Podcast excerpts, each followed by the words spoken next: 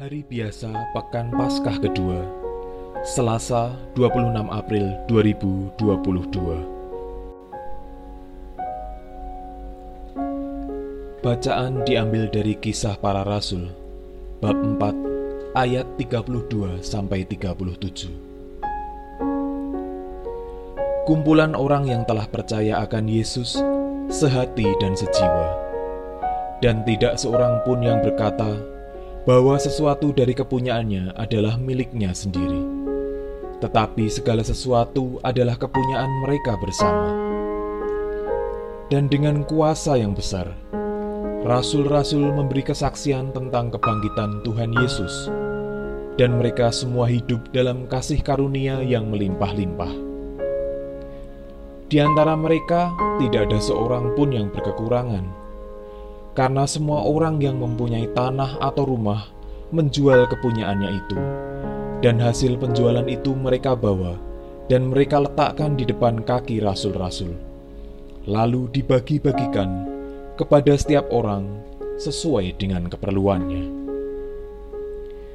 Demikian pula dengan Yusuf, yang oleh rasul-rasul disebut Barnabas, artinya anak penghiburan seorang Lewi dari Siprus. Ia menjual ladang miliknya, lalu membawa uangnya itu dan meletakkannya di depan kaki rasul-rasul. Demikianlah sabda Tuhan.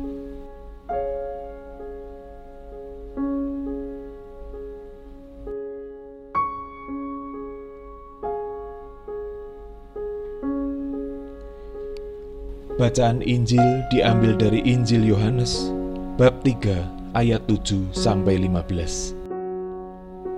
Dalam percakapannya dengan Nikodemus, Yesus berkata, "Janganlah engkau heran karena aku berkata kepadamu, kamu harus dilahirkan kembali.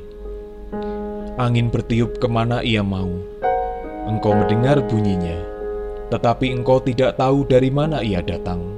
Atau ke mana ia pergi. Demikianlah halnya dengan tiap-tiap orang yang lahir dari roh. Nikodemus menjawab, katanya, "Bagaimanakah mungkin hal itu terjadi?"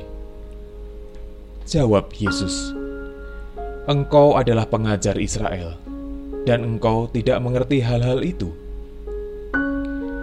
Aku berkata kepadamu, Sesungguhnya kami berkata-kata tentang apa yang kami ketahui, dan kami bersaksi tentang apa yang kami lihat.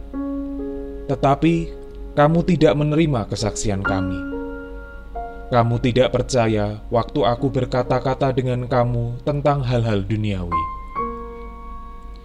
Bagaimana kamu akan percaya kalau aku berkata-kata dengan kamu tentang hal-hal surgawi? Tidak ada seorang pun yang telah naik ke surga, selain Dia yang telah turun dari surga, yaitu Anak Manusia.